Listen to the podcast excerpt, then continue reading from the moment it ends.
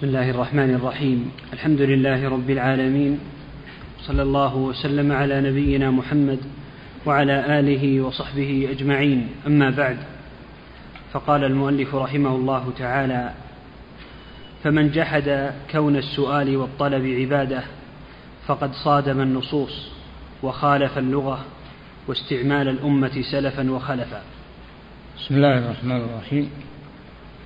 الحمد لله الصلاة والسلام على رسول الله وعلى آله وصحبه. الله جل وعلا سمى الدعاء عبادة سماه دينا. قال جل وعلا وقال ربكم ادعوني أستجب لكم. إن الذين يستكبرون عن عبادتي سماه عبادة سيدخلون يستكبرون عن عبادتي يعني عن دعائي. سيدخلون جهنم داخرين. وقال سبحانه فادعوا الله مخلصين له الدين أي مخلصين له الدعاء. فسمى الدعاء دينا. وقال النبي صلى الله عليه وسلم الدعاء هو العبادة. يعني أن الدعاء هو أعظم أركان العبادة. الدعاء نوع من أنواع العبادة وهو أعظمها. نعم.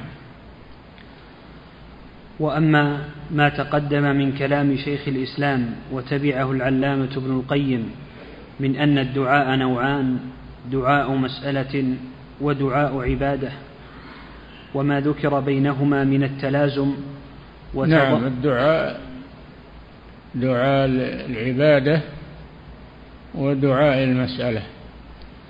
دعاء العبادة هو الثناء على الله سبحانه وتعالى. الثناء على الله والحمد. هذا دعاء عبادة. ودعاء المسألة أن تطلب من الله عز وجل قضاء حاجتك. وكلا النوعين في سورة الفاتحة. فقوله تعالى في أولها الحمد لله رب العالمين الرحمن الرحيم مالك يوم الدين إياك نعبد هذا كله عبادة دعاء عبادة. قوله وإياك نستعين إلى آخر السورة هذا دعاء مسألة. ولهذا جاء في الحديث القدسي أن الله جل وعلا يقول قسمت الصلاة يعني يعني قراءة الفاتحة سماها صلاة. قسمت الصلاة بيني وبين عبدي نصفين. يعني دعاء العبادة في أولها والثناء على الله ودعاء المسألة اهدنا الصراط إلى آخره نصفين. ثلاث آيات هي سبع آيات.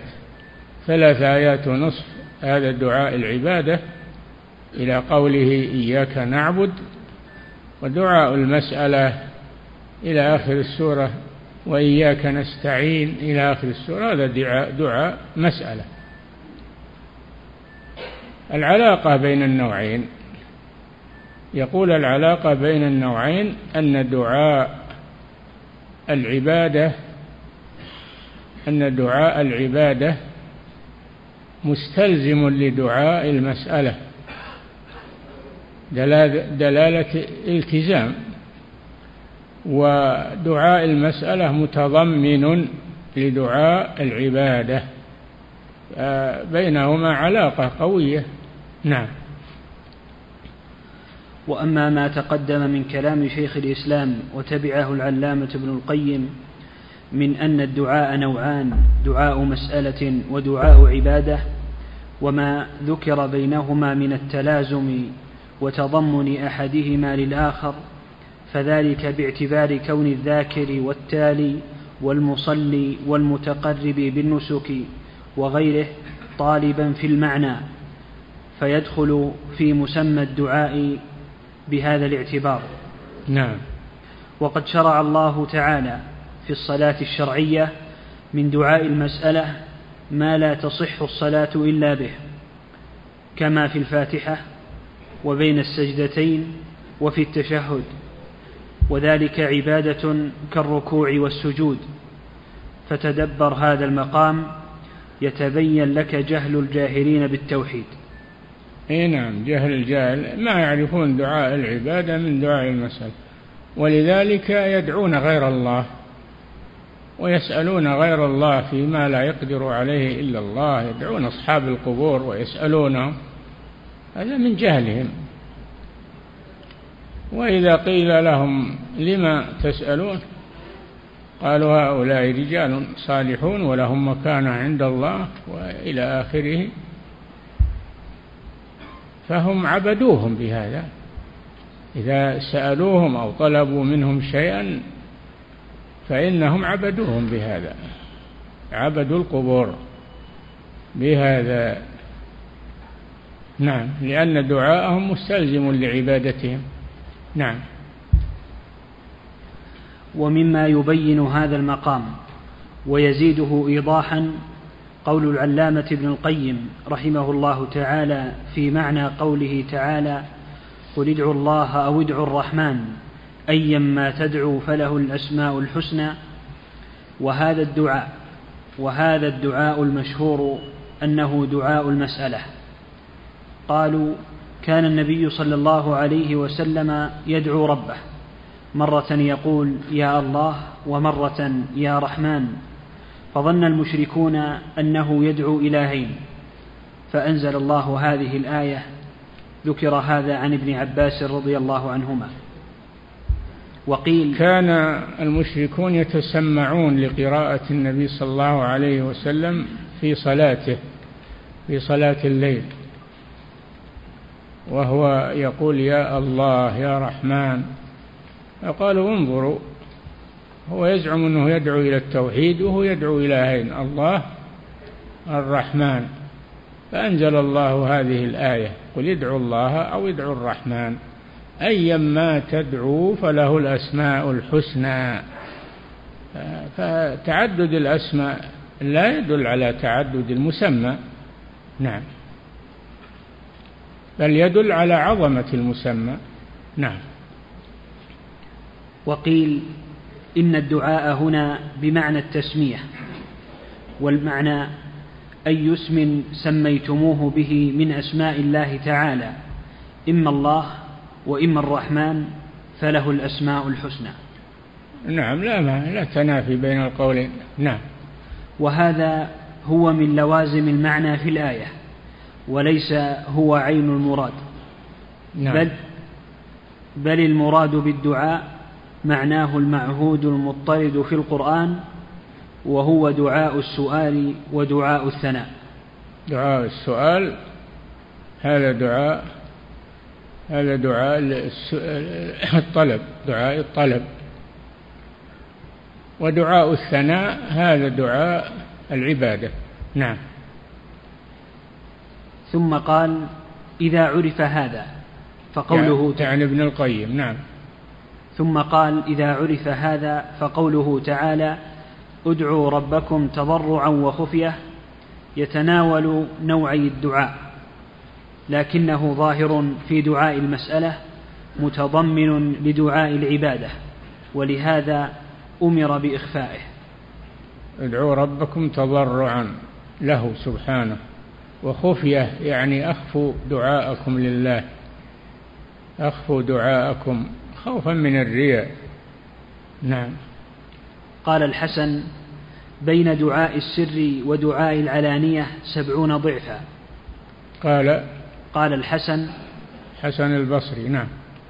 بين دعاء بين دعاء السر ودعاء العلانية سبعون ضعفا. يعني الدعاء سرا لا يسمعه أحد إلا الله ودعاء الظاهر نعم.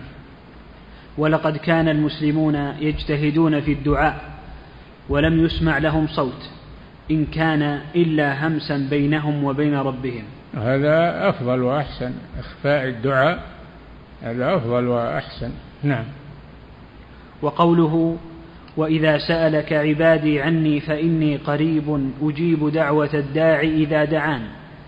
يتناول نوعي الدعاء. وبكل نعم. سأل الصحابة رسول الله صلى الله عليه وسلم فقالوا يا رسول الله أقريب ربنا؟ فنناجيه أم بعيد فنناديه. فنزلت هذه الآية وإذا سألك عبادي عني فإني قريب. أجيب دعوة الداعي إذا دعان هو قريب في علوه علي في دنوه سبحانه وتعالى. هو قريب وهو فوق, فوق السماوات فوق العرش وهو قريب سبحانه يسمع عباده ويعلمهم و... نعم. وقوله وإذا سألك عبادي عني فإني قريب أجيب دعوة الداعي إذا دعان يتناول نوعي الدعاء وبكل منهما فسرت الآية. نوعي الدعاء دعاء العبادة ودعاء المسألة. نعم. قيل أعطيه إذا سألني وقيل أثيبه إذا عبدني. أجيب دعوة الداعي ما معناها؟ أعطيه. معناه أعطيه إذا سألني أو أثيبه والمعنى واحد الثواب عطاء نعم. وليس هذا من استعمال اللفظ في حقيقته ومجازه. نعم. بل هذا استعماله في حقيقته الواحدة المتضمنة للأمرين جميعا. القرآن ليس فيه مجاز القرآن كله حقيقة. اللغة العربية قد يكون فيها شيء من المجاز لكن القرآن لا يقال فيه مجاز بل يقال كله حقيقة. نعم. وهذا يأتي في مسألة الصلاة. نعم. وأنها هل نقلت عن مسماها في اللغة وصارت حقيقة شرعية أو استعملت في هذه العبادة مجازا؟ للعلاقة بينها وبين المسمى اللغوي. نعم الصلاة هي الدعاء. الصلاة هي الدعاء. سميت العبادة ذات الركوع والسجود والقيام والجلوس بالصلاة لأنها عبادة لله عز وجل وفيها دعاء فيها دعاء لله فهي صلاة. نعم. وأنها وهذا يأتي في مسألة الصلاة وأنها هل نقلت عن مسماها في اللغة وصارت حقيقة شرعية أو استعملت في هذه العبادة مجازا للعلاقة بينها وبين المسمى اللغوي أو هي باقية على الوضع اللغوي وضم إليها أركان وشرائط؟ هذا هو الصحيح إنما هي حقيقة ليست مجازا والقرآن أيضا ليس فيه مجاز. كما قال شيخ الإسلام ابن تيمية الحقيقة والمجاز عند البلاغيين هذا إن صح فإنما يكون في لغة العرب عموما. نعم. وعلى ما قررناه لا حاجة إلى شيء من ذلك فإن المصلي من أول صلاته إلى آخرها لا ينفك عن دعاء. نعم. إما دعاء عبادة وثناء أو دعاء طلب ومسألة. نعم. وهو في الحالين داع. الصلاة كلها دعاء. نعم.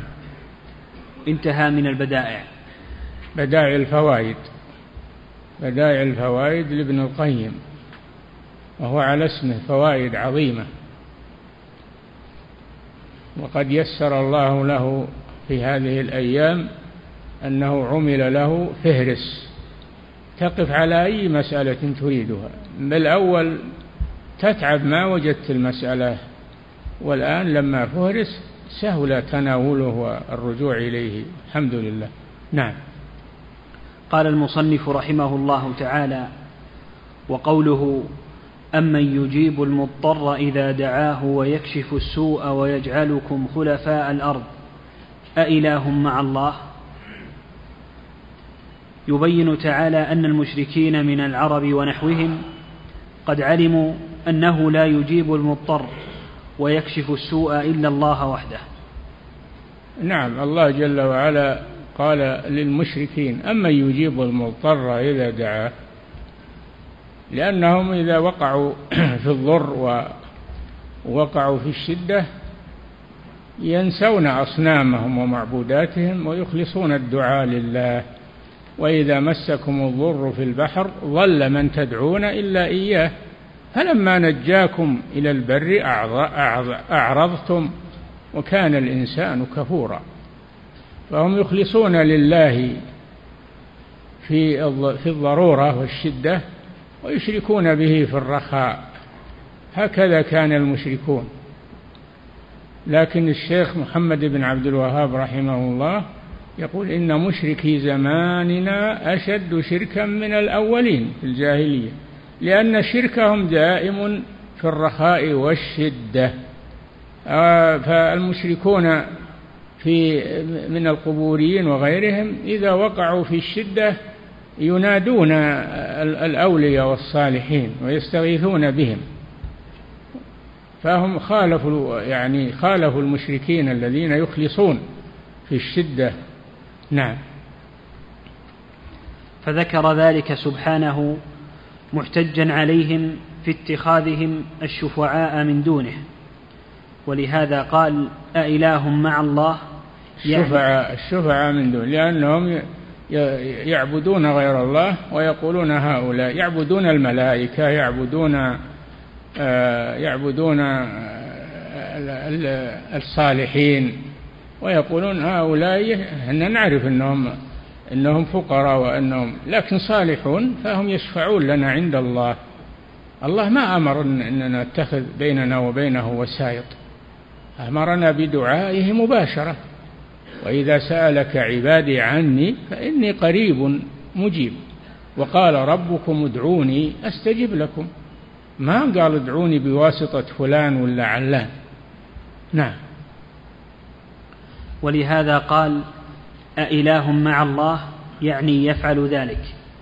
نعم هذا تحدي لهم. أإله مع الله كما تزعمون. نعم. فإذا كانت آلهتهم لا تجيبهم في حال الاضطرار. ما أجابوا في هذا؟ أإله مع الله؟ السؤال مفتوح ما أجابوا عنه. قالوا نعم. دل على أنه ليس معه إله سبحانه وتعالى. نعم. فإذا كانت آلهتهم لا تجيبهم في حال الاضطرار فلا يصلح أن يجعلوها شركاء لله الذي يجيب المضطر إذا دعاه ويكشف السوء وحده. أي نعم آلهتهم التي يزعمون لا تنفعهم في الضراء والشدة.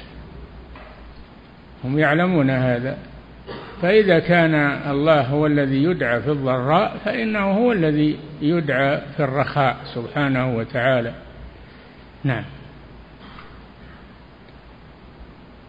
فإذا كانت آلهتهم لا تجيبهم في حال الاضطرار فلا يصلح أن يجعلوها شركاء لله الذي يجيب المضطر إذا دعاه ويكشف السوء وحده نعم. وهذا أصح ما فسرت به الآية كسابقتها من قوله أمن خلق السماوات والأرض وأنزل لكم من السماء ماء فأنبتنا به فأنبتنا به حدائق ذات بهجة.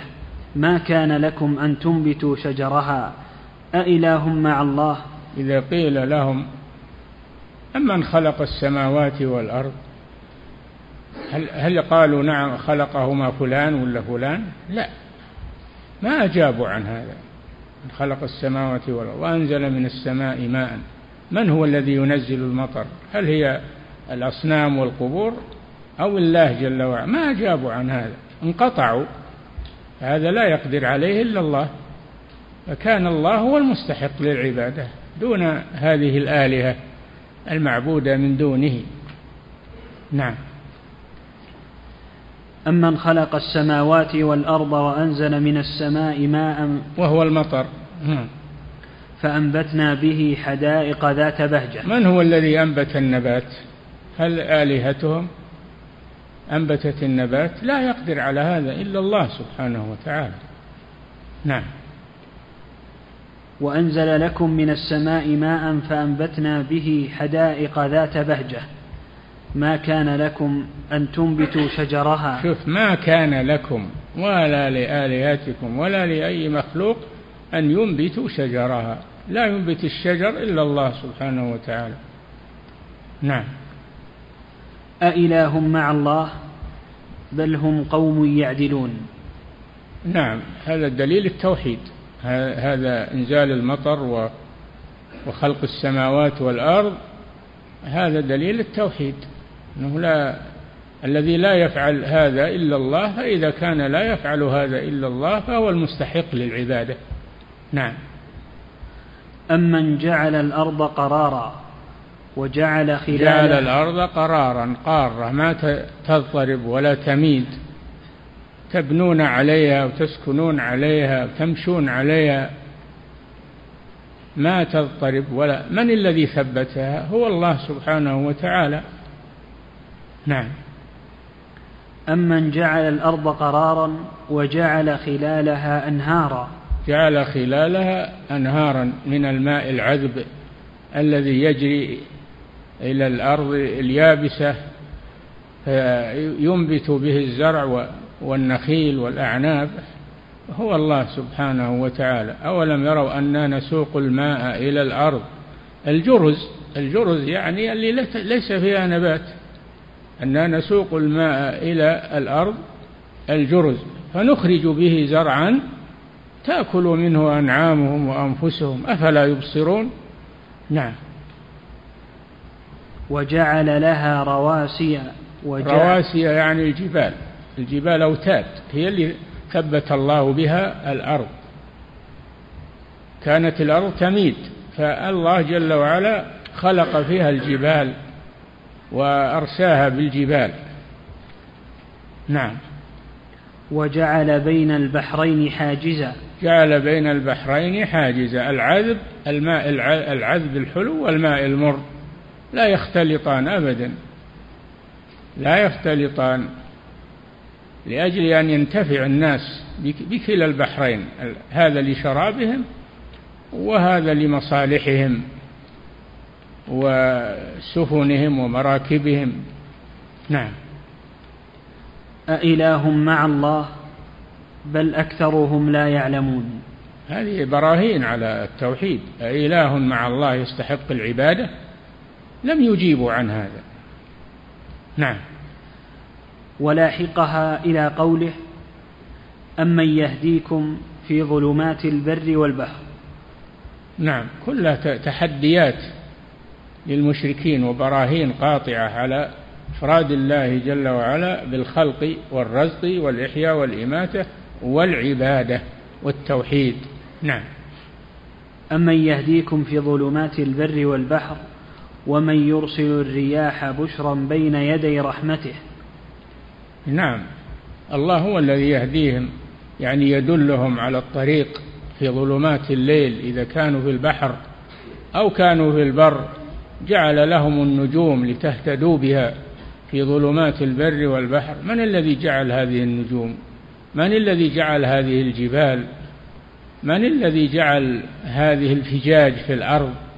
طرقات هو الله سبحانه وتعالى. نعم. أإله مع الله تعالى الله عما يشركون. نعم. أمن يبدأ الخلق ثم يعيده. ومن يرزقكم من السماء والأرض. من أمن يبدأ الخلق. وهو الله سبحانه. خلق الناس ثم يميتهم ثم يعيدهم يوم القيامة. من الذي يفعل هذا؟ إلا الله سبحانه وتعالى. آلهتهم لا تفعل هذا. نعم. أإله مع الله؟ قل هاتوا برهانكم إن كنتم صادقين. إيه تحداهم. هاتوا برهانكم دليلكم على أن مع الله إلها يفعل مثل هذه الأفعال. نعم. فتأمل هذه الآيات يتبين لك أن الله يتبين تعالى يتبين. حسن الله جواب ف... الأمر نعم. فتأمل هذه الآيات يتبين لك أن الله تعالى احتج على المشركين بما أقروا به على ما جحدوه. نعم. جحدوا عبادة الله فاحتج عليهم بما أقروا به وهو توحيد الربوبية وأفعال الله جل وعلا التي لا يفعلها سواه. هذه المعبودات كلها لا تفعل شيء من هذه الأمور. لا يفعلها إلا الله. فإذا كان لا يفعلها إلا الله فهو المستحق للعبادة دون ما سواه. هذه براهين على التوحيد. نعم. يتبين لك أن الله تعالى احتج على المشركين بما أقروا به على ما جحدوه من قصر العبادة جميعها عليه. نعم فتوحيد الربوبية يقر به المشركون ولا يجحده أحد. يحتج عليهم بذلك بأن إذا توحد الله في الربوبية فإنه يتوحد في العبادة فلا يعبد معه غيره. نعم. فتوحيد الربوبية دليل على توحيد الألوهية. نعم. كما في فاتحة الكتاب إياك نعبد وإياك نستعين. إياك نعبد هذه من جهة العبد العبادة من جهة العبد. وإياك نستعين هذا من جهة الله هو الذي يعين سبحانه وتعالى. نعم. قال أبو جعفر ابن جرير قول رحمه الله قوله أمن يجيب المضطر إذا دعاه ويكشف السوء ويجعلكم خلفاء الأرض؟ خلفاء الأرض يخلف بعضكم بعضا. أجيال أجيال إذا هلك جيل جاء بعده جيل إلى أن تقوم الساعة. من الذي يفعل هذا؟ نعم. ويجعلكم خلفاء الأرض. أإله مع الله. قليلا ما تذكرون. كلها براهين قاطعة على وحدانية الله. ولم يجيبوا عن هذه الأسئلة انقطعوا. نعم. يقول تعالى ذكره أما تشركون يقول ابن جرير يذكر عن ابن جرير نعم. يقول تعالى ذكره أما تشركون بالله خير أم الذي يجيب المضطر إذا دعاه؟ نعم. ويكشف السوء. ويكشف هم, هم يقرون أنه لا يجيب المضطر إذا دعاه إلا الله أن آلهتهم لا تجيب المضطر. ولا تكشف السوء. إذا نزل مرض أو نزل وباء أو نزل قحط في الأرض أو ما أحد يرفع هذا إلا الله سبحانه وتعالى. ما ترفع آلهتهم ومعبوداتهم. نعم. ويكشف السوء النازل به, به عنه. نعم. وقوله ويجعلكم خلفاء الأرض يقول يستخلف بعد أمواتكم في الأرض منكم خلفاء أحياء يخلفونهم. نعم. وقوله أإله مع الله يقول أإله سواه يفعل هذه الأشياء بكم وينعم عليكم هذه النعم.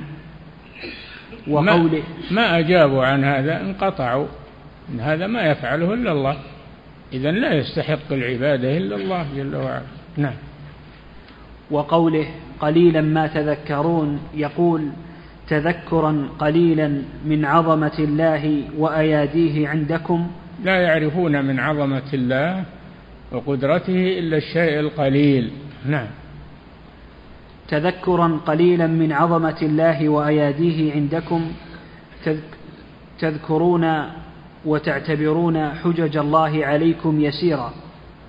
فلذلك أشركتم بالله غيره في عبادته. نعم القرآن واضح في براهينه وأدلته في إبطال الشرك والرد على المشركين.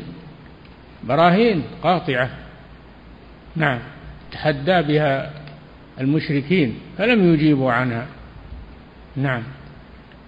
قال المصنف رحمه الله تعالى وروى الطبراني بإسناده أنه كان في زمن النبي صلى الله عليه وسلم منافق يؤذي المؤمنين.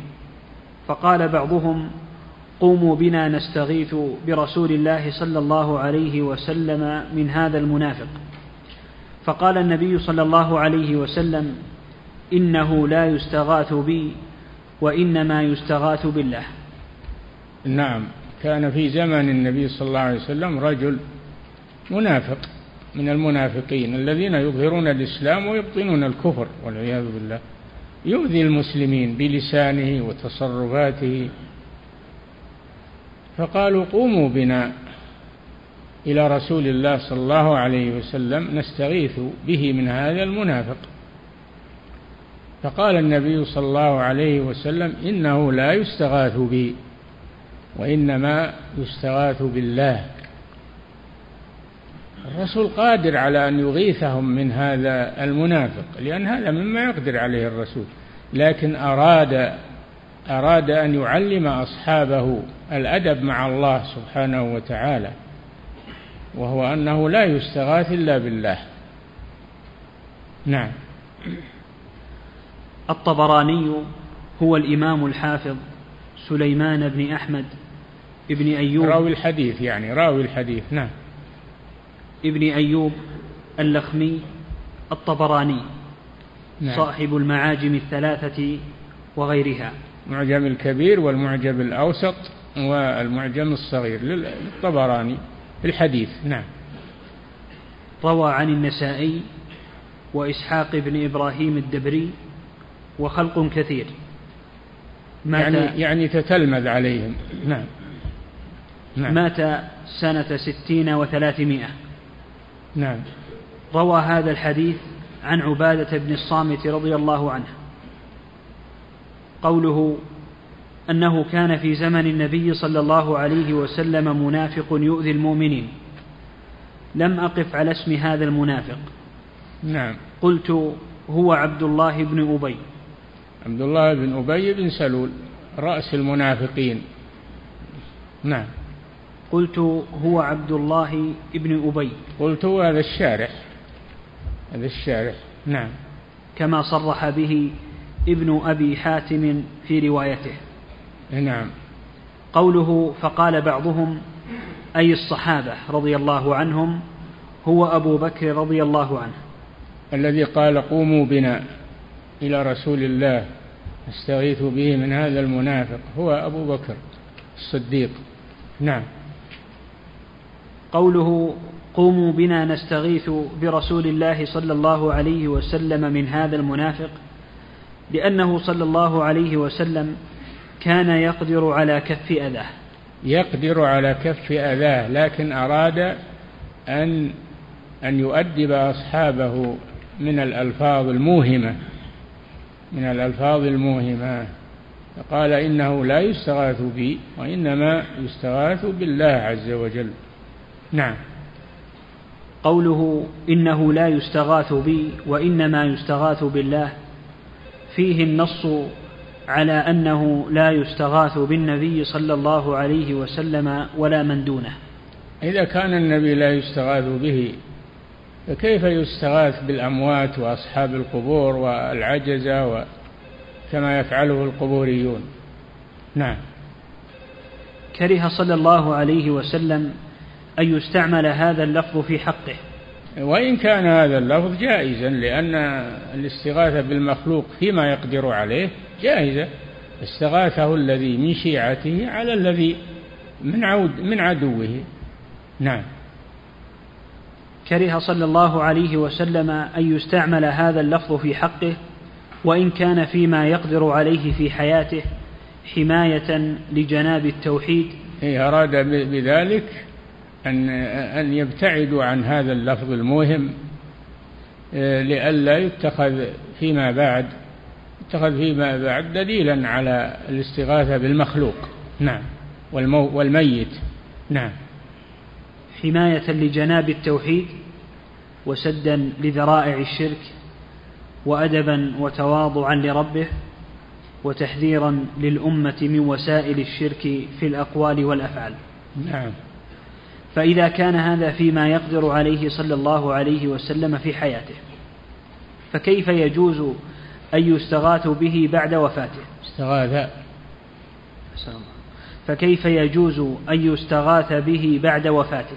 يعني الرسول صلى الله عليه وسلم إذا كان لا يستغاث به في حياته ومنع من هذا فكيف يستغاث به بعد ما مات هذا رد على القبوريين الذين يستغيثون بالرسول والأموات.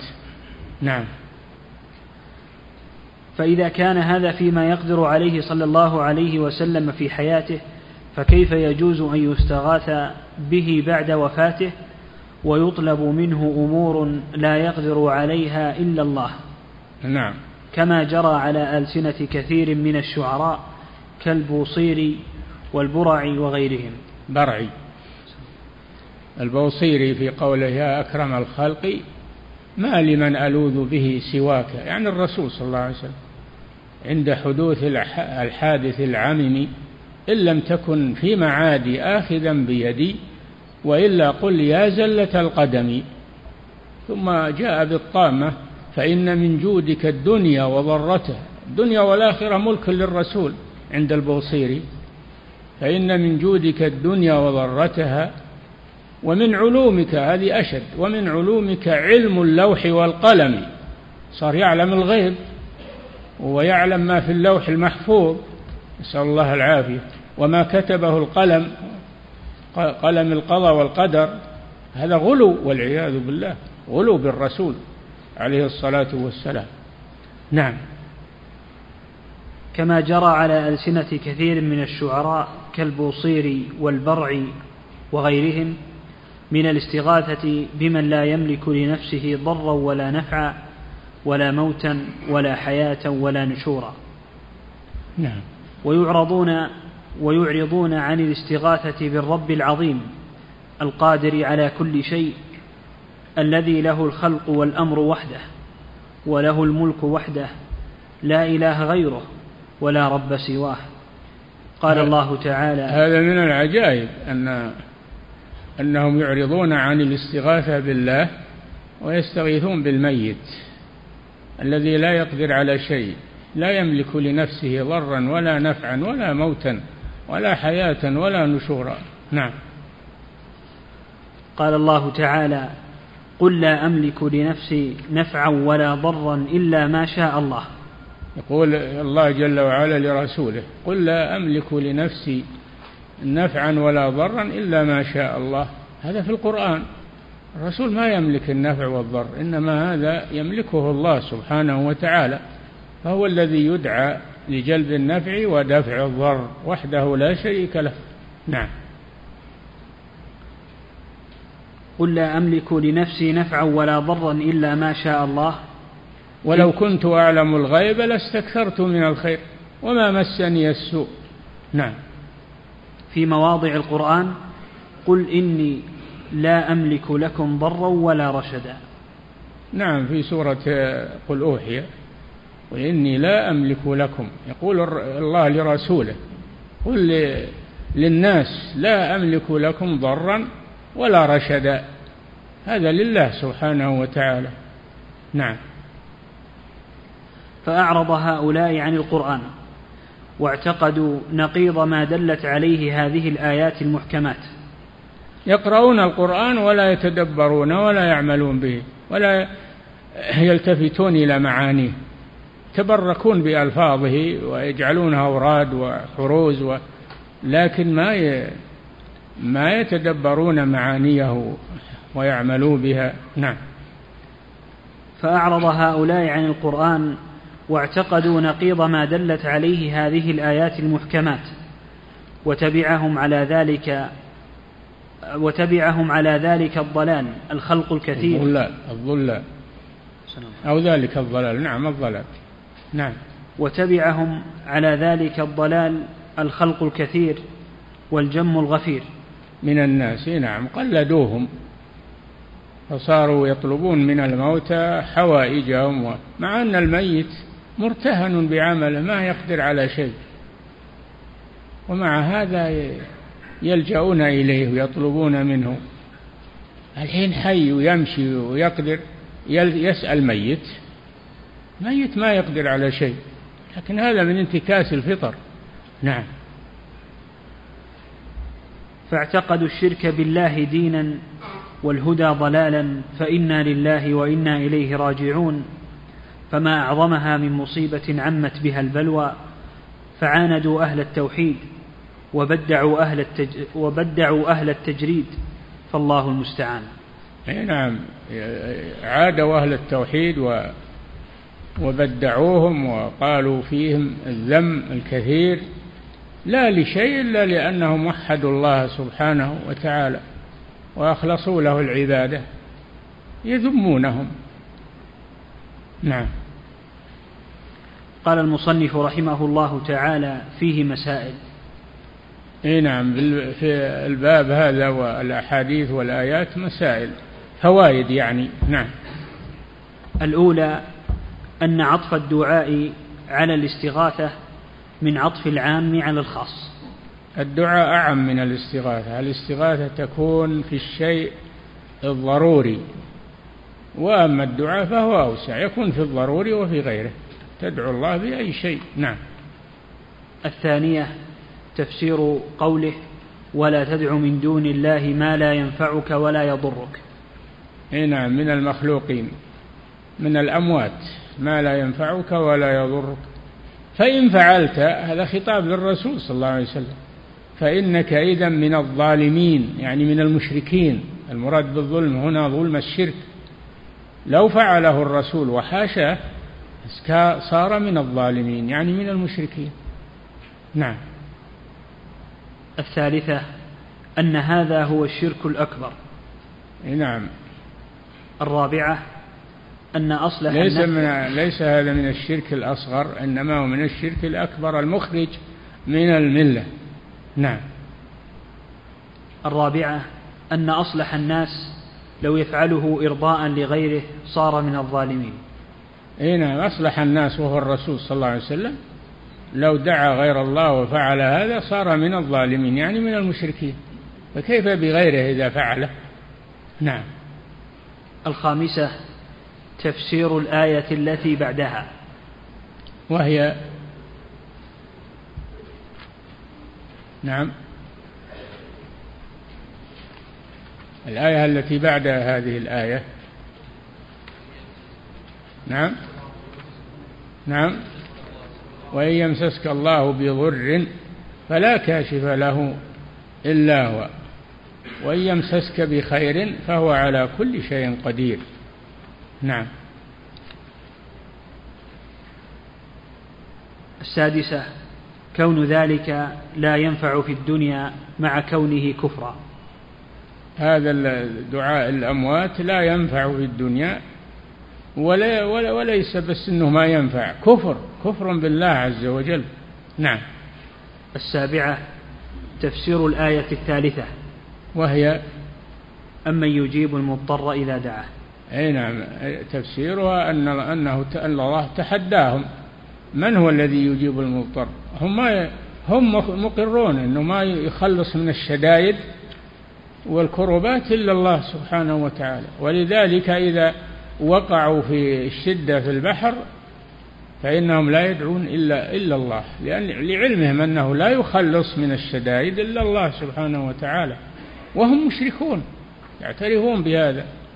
نعم. الثامنة أن طلب الرزق لا ينبغي إلا من الله كما أن الجنة لا تطلب إلا منه. ابتغوا عند الله الرزق يقول إبراهيم عليه السلام لقومه إن الذين تدعون من دون الله لا يملكون لكم رزقا. فابت... فلا يملكون لكم رزقا. فابتغوا عند الله الرزق واعبدوه. إليه ترجعون. ابتغوا عند الله الرزق. لا يرزق إلا الله جل وعلا. وإن جاءك رزق من أحد فهو من الله. أجراه على يد هذا المخلوق. نعم. التاسعة. تفسير الآية الرابعة. وهي ومن أضل ممن يدعو من دون الله من لا يستجيب له إلى يوم القيامة. لا أحد أضل من هذا. لا أحد أشد ضلال من هذا الذي يدعو من دون الله. نعم. وهم يظنون أنهم من عباد الله الصالحين وأنهم اتخذوا الوسائط تقربهم إلى الله وهم أضل الناس والعياذ بالله. نعم. العاشرة أنه لا أضل ممن دعا غير الله. نعم. الحادية عشرة أنه غافل عن دعاء الداعي لا يدري عنه. أن المدعو في قبره غافل. غافل عن دعاء الداعي ما يدري عنه فكيف يجيبه ويعطيه؟ وهو ما يسمع ولا يدري عنه. نعم. إن تدعوهم لا يسمعوا دعاءكم ولو سمعوا ما استجابوا لكم. ويوم القيامة يكفرون بشرككم. يجحدون يقول ما أمرناكم تدعوننا. إنما أمرناكم تدعوننا. نعم. الحادية عشرة أنه غافل عن دعاء الداعي لا يدري عنه. وهم عن دعائهم غافلون. لا يسمعون دعاءهم لأنهم أموات. نعم. الثانية عشرة أن تلك الدعوة سبب لبغض المدعو للداعي وعداوته له.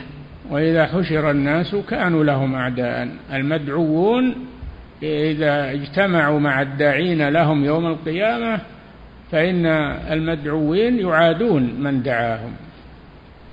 تقع بينهم العداوة. نعم. وهم يريدون أنهم يوم القيامة يسعدونهم ويخلصونهم إلى آخره. نعم.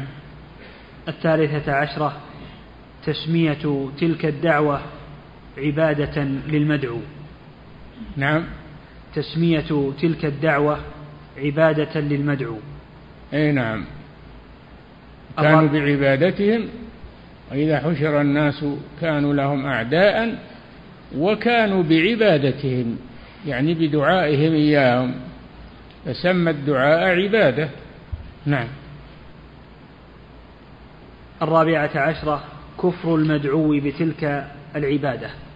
إي نعم إذا دعا الأموات و وما والذي أو الأحياء الذين لا يقدرون على ما يطلب منهم فإن هذا كفر بالله عز وجل. وضلال ما أحد أشد ضلال. من أضل ممن يدعو من دون الله من لا يستجيب له إلى يوم القيامة وهم عن دعائهم غافلون. ويوم القيامة يعادونهم أحوج ما يكونون إليهم. نعم. الخامسة عشرة هي سبب كونه أضل الناس. أي نعم. كونه أضل الناس لأنه دعا غير الله. ومن أضل لا أحد أضل من هذا. نعم. السادسة عشرة تفسير الآية الخامسة. وهي أمن يجيب المضطر إذا أمن يجيب المضطر إذا دعاه. ما ويكشف السوء. هل هذه المدعوات المعبودات من الأولياء والصالحين تجيب المضطر إذا دعاها؟ ما ما تجيب ما تقدر. ولا تكشف السوء ما يكشف السوء إلا الله عز وجل. نعم.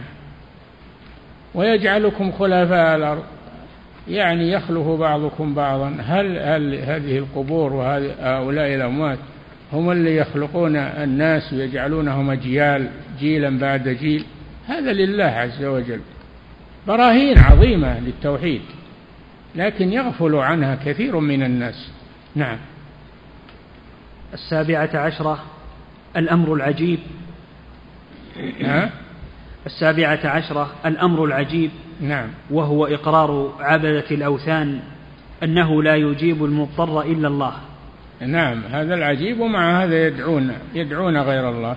وهم يعترفون أنه لا يجيب المضطر إلا الله سبحانه وتعالى. ولذلك إذا وقعوا في شدة دعوا الله مخلصين له الدين. نعم. الأمر العجيب وهو إقرار عبادة الأوثان أنه لا يجيب المضطر إلا الله ولأجل هذا يدعونه في الشدائد مخلصين له الدين. أي نعم يدعون الله. ما يدعون غيره. إذا وقعوا في الشدة ما يدعون غير الله. نعم. الثامنة عشرة حماية المصطفى صلى الله عليه وسلم حمى التوحيد والتأدب مع الله. في قوله إنه لا يستغاث بي. هذه حماية للتوحيد. إنه لا يستغاث بي وإنما يستغاث بالله. نعم. قال المصنف رحمه الله تعالى باب قول الله تعالى أيشركون ما لا يخلق شيئا وهم يخلقون؟ ولا يستطيعون لهم نصرا ولا أنفسهم ينصرون. يكفي هذا. نعم.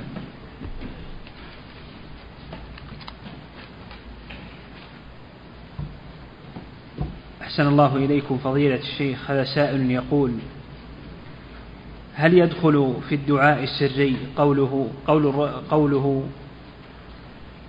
ورجل ذكر الله خاليا ففاضت عيناه؟ اي نعم. خاليا من الناس يعني وحده. ما عنده أحد. ففاضت عيناه من خشية الله. هذا مخلص لله. ما هو مرائي حتى يقال إنه يبكي عند الناس. هذا يبكي لو ما عنده أحد. نعم. أحسن الله إليكم فضيلة الشيخ هذا سائل يقول هل صحيح أن دعاء الاستفتاح دعاء دعاء عبادة؟ هل صحيح أن دعاء الاستفتاح دعاء عبادة؟ أي نعم دعاء عبادة ودعاء مسألة. نعم. وهل قوله اللهم باعد بيني وبين خطاياي كما باعدت بين المشرق والمغرب دعاء مسألة؟ نعم دعاء مسألة وهو يتضمن دعاء العبادة. نعم. أحسن الله إليكم فضيلة الشيخ هذا سائل يقول هل يقال أن معنى دعاء العبادة هو مطلق العبادة وأن دعاء المسألة هو مطلق السؤال؟ دعاء العبادة هو الثناء على الله ودعاء المسألة هو الطلب طلب من الله طلب الحوائج من الله. نعم. أحسن الله إليكم فضيلة الشيخ هذا سائل يقول هل يجوز دعاء الطلب في السجود والركوع باللغة الأجنبية؟ الذي لا يحسن اللغة العربية نعم يدعو, يدعو بلغته. يدعو الله بلغته. نعم. أحسن الله إليكم. هذا سائل يقول لكن القرآن ما يقرأ إلا بلغة القرآن باللغة العربية. لكن الدعاء بلغة الإنسان. نعم. أحسن الله إليكم. الله جل وعلا لا تختلف عليه اللغات. لا تختلف على الله اللغات. نعم. أحسن الله إليكم فضيلة الشيخ هذا سائل يقول قال المصنف رحمه الله في الدعاء الذي بين السجدتين أنه مما لا تصح الصلاة إلا به فما دليل ذلك؟ يقول قال قال المصنف رحمه الله في الدعاء هذا واجب واجب من واجبات الصلاة وإذا تركه متعمدا بطلت صلاته. نعم. إن تركه ناسيا يجبره بسجود السهو. نعم. أحسن الله إليكم فضيلة الشيخ هذا سائل يقول يقول بعضهم من سجد لرجل فإنه لا يكفر إلا إذا كان على وجه التحية. لا يكفر إذا كان على وجه التحية. النبي صلى الله عليه وسلم منع من السجود للمخلوق. منع من السجود للمخلوق. لما جاء معاذ رضي الله عنه من لما جاء معاذ من الجهة التي أرسله إليها وأراد أن يسجد للرسول تحية سجود تحية ما هو سجود عبادة؟ سجود تحية منعه من ذلك. منعه من ذلك. نعم. فلا يج... سئل إذا لقي الرجل الرجل أيسجد له؟ قال لا. قال أينحني له قال لا. قيل أيصافحه؟ قال نعم. نعم. أحسن الله إليكم فضيلة الشيخ. هذا سائل يقول هل يستغاث بالصالحين والأولياء وهم ميتون؟ رجال وش كلامنا هذا اللي راح كله؟ صار ما هل يسأل؟ ما يدري وش حنا قلنا. نعم. أحسن الله إليكم فضيلة الشيخ. هذا سائل يقول ما معنى قول الله تعالى ولا تدع من دون الله ما لا ينفعك ولا يضرك نعم.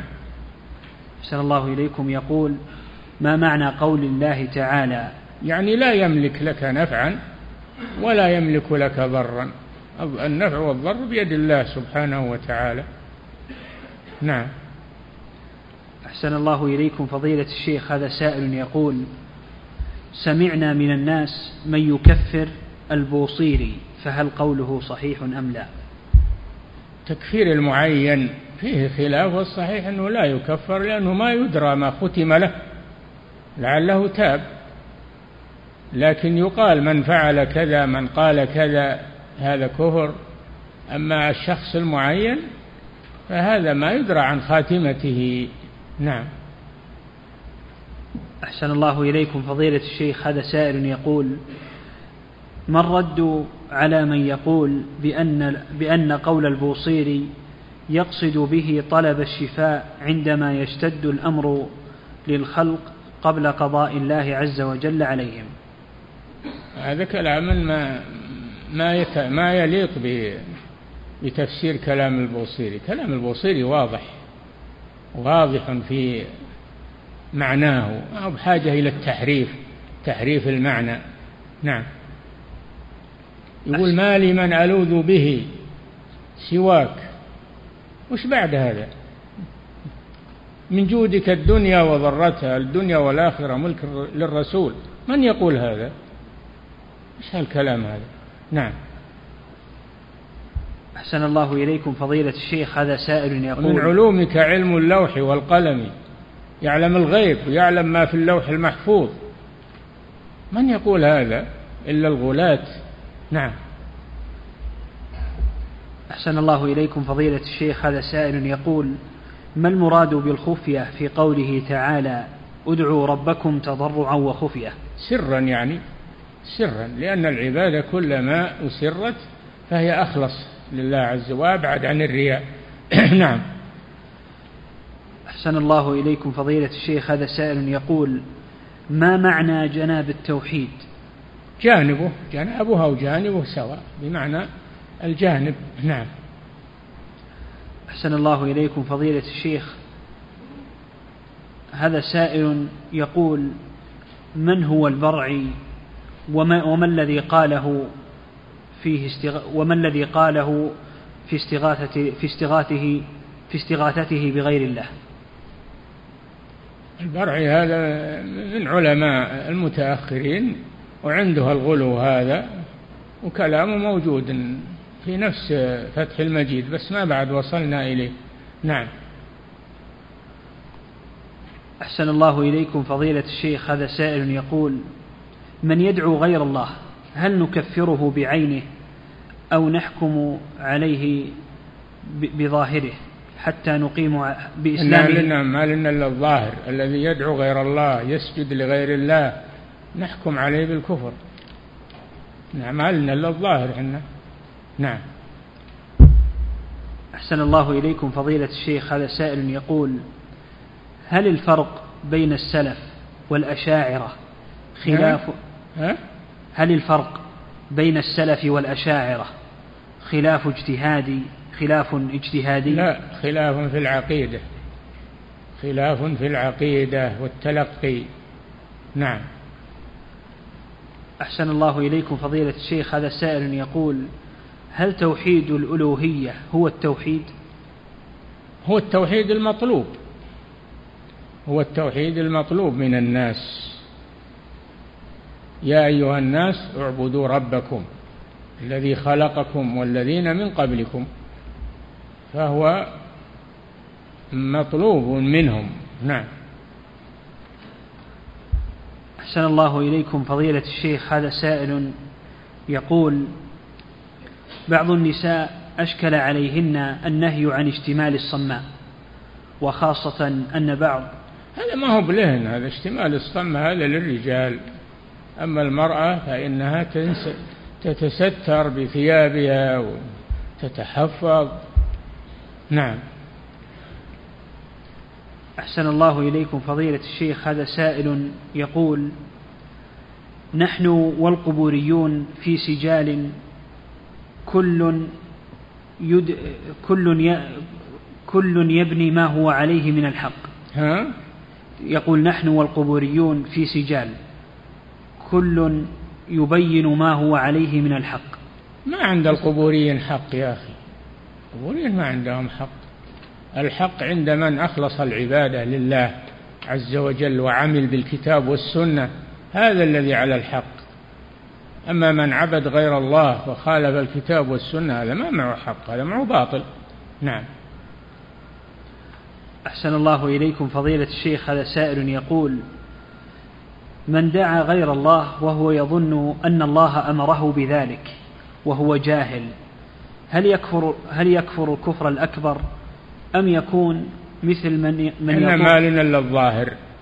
نحكم على الظاهر. من دعا غير الله ذبح لغير الله سجد لغير الله نحكم عليه بالكفر. بما ظهر منه. بما ظهر منه. نعم. أحسن الله إليكم. فضيلة الشيخ هذا سائل يقول هل يبطل المن العمل كاملا؟ اي نعم ولا تمنن تستكثر. المن بالعبادة يبطلها والنفع والصدقة يبطلها. لا تبطلوا صدقاتكم بالمن والأذى. نعم. أحسن الله إليكم فضيلة الشيخ. هذا سائل يقول أنا طبيب وأعمل في إحدى المستشفيات في قسم الطوارئ وأسمع الأذان أثناء العمل وعملي لا يسمح لي أن أصلي في المسجد. فماذا أعمل وجزاكم الله خيرا؟ صلي في مكانك. إذا ما, ما عملك يفوت مرتبط بعمل لو ذهبت يفوت تعالج مريض ولا في عملية تجريها لمريض صلي في مكانك. الحمد لله. إن كان معك ناس من إخوانك في المكان صلي أنت وياهم ولا صل وحدك. نعم. أحسن الله إليكم فضيلة الشيخ هذا سائل يقول هل يجوز قول أمانة بالله تعطيني كذا؟ أمانة ما يجوز الحلف بالأمانة لا يجوز يقول بالله ويكفي. نعم. الحديث ليس منا من حلف بالأمانة. نعم. الله あ。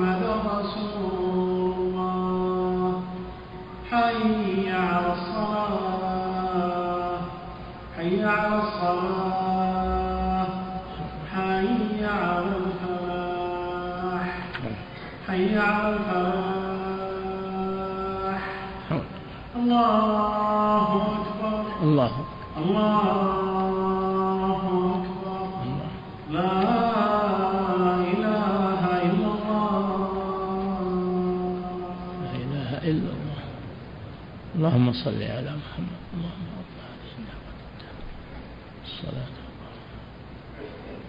الفضيلة وبعث الله مقام الذي وعده الإسلام دين محمد. صلى الله عليه وسلم نعم. أحسن الله إليكم فضيلة الشيخ.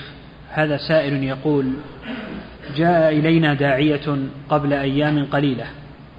وقرر أن هناك فرقا بين السجود للصنم وإلى الصنم.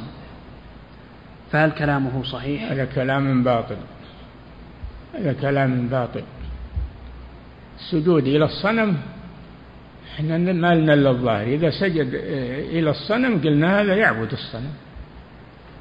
يقول يبغى يتخذه سترة. بعضهم يقول يمكن أنهم اتخذوا سترة. يعني ما لقى سترة إلا الصنم. يبتعد عن هذه الأمور. نعم. أحسن الله إليكم فضيلة الشيخ. هذا سائل يقول الصلاة هل هي من العبادات القولية أم الفعلية؟ كلهن عبادة قولية وفعلية نعم. أحسن الله إليكم فضيلة الشيخ. هذا سائل يقول بماذا يفسر قول الله تعالى لا يأتيه الباطل من بين يديه ولا من خلفه يعني ليس قبله كتاب يبطله وليس بعده كتاب ليس قبله كتاب يكذبه ولا بعده كتاب يكذبه. القرآن. نعم.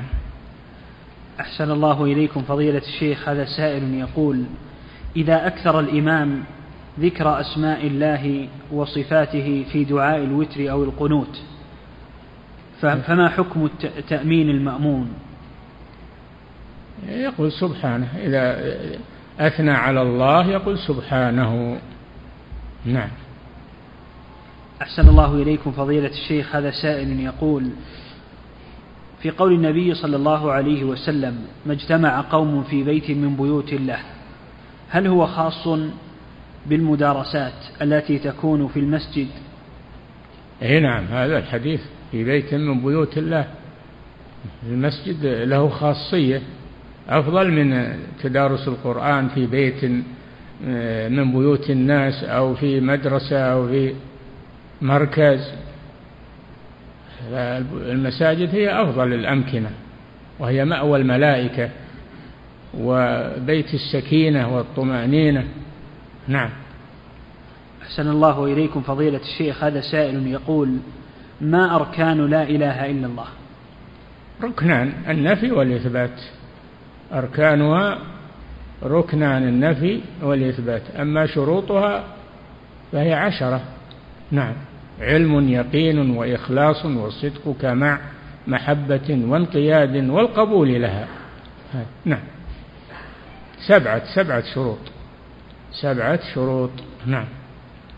أحسن الله إليكم فضيلة الشيخ. هذا سائل يقول ترتيل وتلحين الذكر بعد الصلاة هل له أصل؟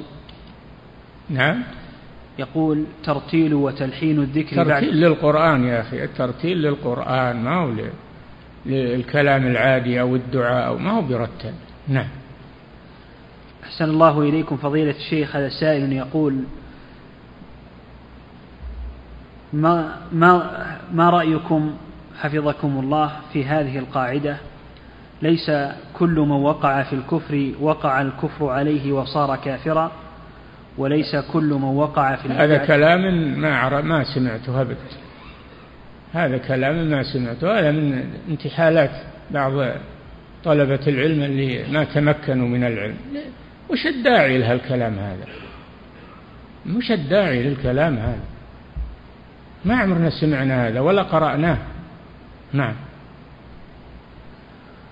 أحسن الله إليكم فضيلة الشيخ. هذا سائل يقول عندي ريالات من فضة قديمة وسعرها الآن غال فهل يجوز لي الآن أن أبيع ريال الفضة القديم بمائة ريال ورقي؟ أي نعم من غير جنسه ما يخالف. أما تبيعه بفضة الفضة بالفضة هذا لا يجوز إلا متساوية. أما بغير جنسه ما ما يخالف. نعم.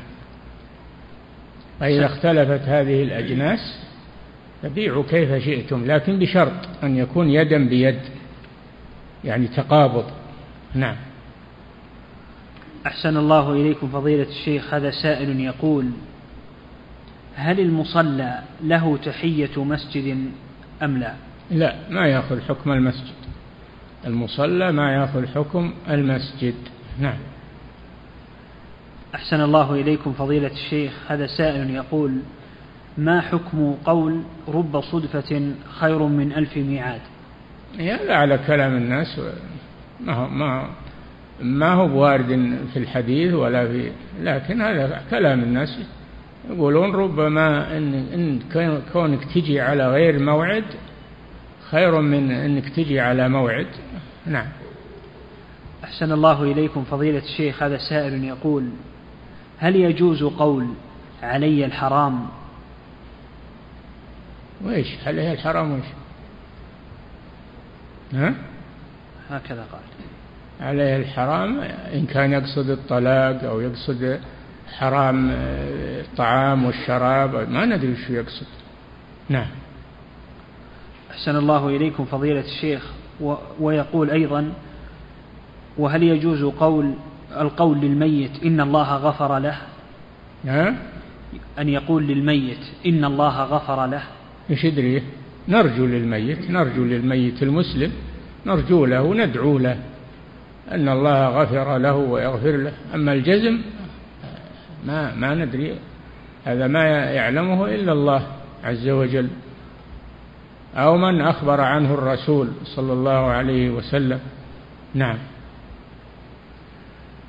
أحسن الله إليكم فضيلة الشيخ. هذا سائل يقول كيف يجمع بين الأمر بالمعروف والنهي عن المنكر وقول النبي صلى الله عليه وسلم من حسن إسلام المرء تركه ما لا يعنيه؟ الأمر بالمعروف والنهي عن المنكر يعنيك يعنيك من رأى منكم منكرا فليغيره بيده فإن لم يستطع فبلسانه فإن لم يستطع فبقلبه لا بد من إنكار المنكر والذي لا ينكر المنكر ليس بمسلم. لا بقلبه ولا ما هو مسلم هذا. نعم. أحسن الله إليكم فضيلة الشيخ هذا سائل يقول ما المقصود بقول الله تعالى وإن يوما عند ربك كألف سنة مما تعدون هذا من أيام الآخرة. من أيام الآخرة. أيام الآخرة ليست كأيام الدنيا. اثنى عشر ساعة أو أكثر أو أقل. أيام طويلة. في يوم كان مقداره خمسين ألف سنة. نعم. أحسن الله إليكم فضيلة الشيخ. هذا سائل يقول ما الأفضل في حالة السفر؟ الصلاة في المسجد أو في الفلاح؟ إن جاء عند المسجد يصلي في المسجد وإنسانه في الفلاة يصلي في الفلاة نعم. أحسن الله إليكم فضيلة الشيخ. هذا سائل يقول امرأة كبيرة في السن وكانت مقصرة في قراءة القرآن وهي الآن نادمة وهي أعجمية لا تعرف القراءة. أمية؟ أعجمية. أعجمية. لا حتى العجم يقرؤون القرآن حتى الأعاجم يحفظون القرآن. ولو ما فهموا معناه لكن يحفظونه. هذا من خواص القرآن الكريم. نعم. أحسن الله إليكم فضيلة الشيخ. هذا سائل يقول هل الأفضل شرب الماء ثلاثا؟ أو وهل شربه مرة واحدة؟ ثلاثة أنفاس. السنة ثلاثة أنفاس لا بنفس واحد كشرب البعير. نعم. ويقول إذا شربت الماء ثلاثا بدون تنفس بينهن. هل أكون لا, لا تنفس تنفس. هذا هو السنة. نعم. أحسن الله إليكم فضيلة الشيخ. هذا سائل يقول ما حكم رفع الصوت عند الذكر بعد الصلاة؟ نعم. ما حكم رفع الصوت عند الذكر بعد الصلاة؟ نعم الأذكار الواردة بعد الصلاة بعد السلام يرفع صوته بها. نعم. أحسن الله إليكم فضيلة الشيخ هذا سائل يقول ما حكم حث الناس على بعض سنن النبي صلى الله عليه وسلم والحاث عليه لا يفعل السنة؟ هذا يقول الله جل وعلا لما تقولون ما لا تفعلون؟ هو أولى أن يفعل هذا ويأمر الناس به. نعم أما أن يأمر الناس به وهو لا يفعله هذا عليه لوم. لم تقولون ما لا تفعلون كبر مقتا عند يعني بغضا عند الله أن تقولوا ما لا تفعلون. نعم. أحسن الله إليكم فضيلة الشيخ هذا سائل يقول هل يجوز قول بعض الناس ممن يدخل في الإصلاح بين القبائل في منازعاتها نطلبكم بجاه الله أو داخلين عليكم بجاه الله؟ لا ما يجوز هذا. بجاه الله ما يجوز هذا. نعم. يعني يعني يجعلون جاه الله عليهم. يعني توسلون بجاه الله عليهم ما يجوز هذا. نعم. يعني صار وارفع من الله. ويتوسل إليهم بجاه الله. هذا يكون من من الأدنى للأعلى. نعم. أحسن الله إليكم فضيلة الشيخ. هذا سائل يقول هل من أنكر خبر الآحاد من الحديث؟ وهو يعلم أنه صحيح غير متأول يكفر. خبر الآحاد هذا فيه خلاف. إذا كان أنه درس الخلاف واتبع من يرى أن خبر الآحاد أنه له حكم غير حكم المتواتر وغير حكم غير حكم المتواتر هذه مسألة اجتهادية. نعم. أحسن الله إليكم فضيلة الشيخ هذا سائل يقول هل الطبول جائزة للرجال في الزواجات والمناسبات؟ أبدا ما تجوز إلا للنساء ولا هو بالطبل الدف. للنساء الدف أو الغربال أو الدف. هذا للنساء خاصة في الزواج. أما الرجال فلا يستعملون الدف في الزواج. نعم. أحسن الله إليكم فضيلة الشيخ هذا سائل يقول كثير من الناس إذا صلى الراتبة رفع يديه ودعا فهل الأفضل أن يدعو قبل السلام أم بعد السلام كلاهما يدعو قبل السلام وبعد السلام. ما يخالف الأمر واسع. نعم. أحسن الله إليكم فضيلة الشيخ هذا سائل يقول ما أهمية كتب ثلاثة الأصول وكتاب التوحيد والعقيدة الواسطية. آه إذا كنت ما تعرف أهميتها. فيها الآيات والأحاديث وكلام أهل العلم تقول ما هي أهميتها؟ هذا معناه أنك ما عندك فرق. تعرف به أهمية هذه الكتب العظيمة التي تعلم التوحيد والعبادة. نعم. أحسن الله إليكم فضيلة الشيخ هذا سائل يقول ما توجيهكم لبعض طلبة العلم الذين ينشغلون بوسائل التواصل وبالمهاترات والنقاشات التي فيها عن طلب العلم؟ أن يتوبوا إلى الله ويتركوا هذه المهاترات وهذه الترهات التي تشغلهم عن طلب العلم ويقبلوا على طلب العلم وعلى ذكر الله وتلاوة القرآن. نعم. انتهى. الله تعالى أعلم وصلى الله وسلم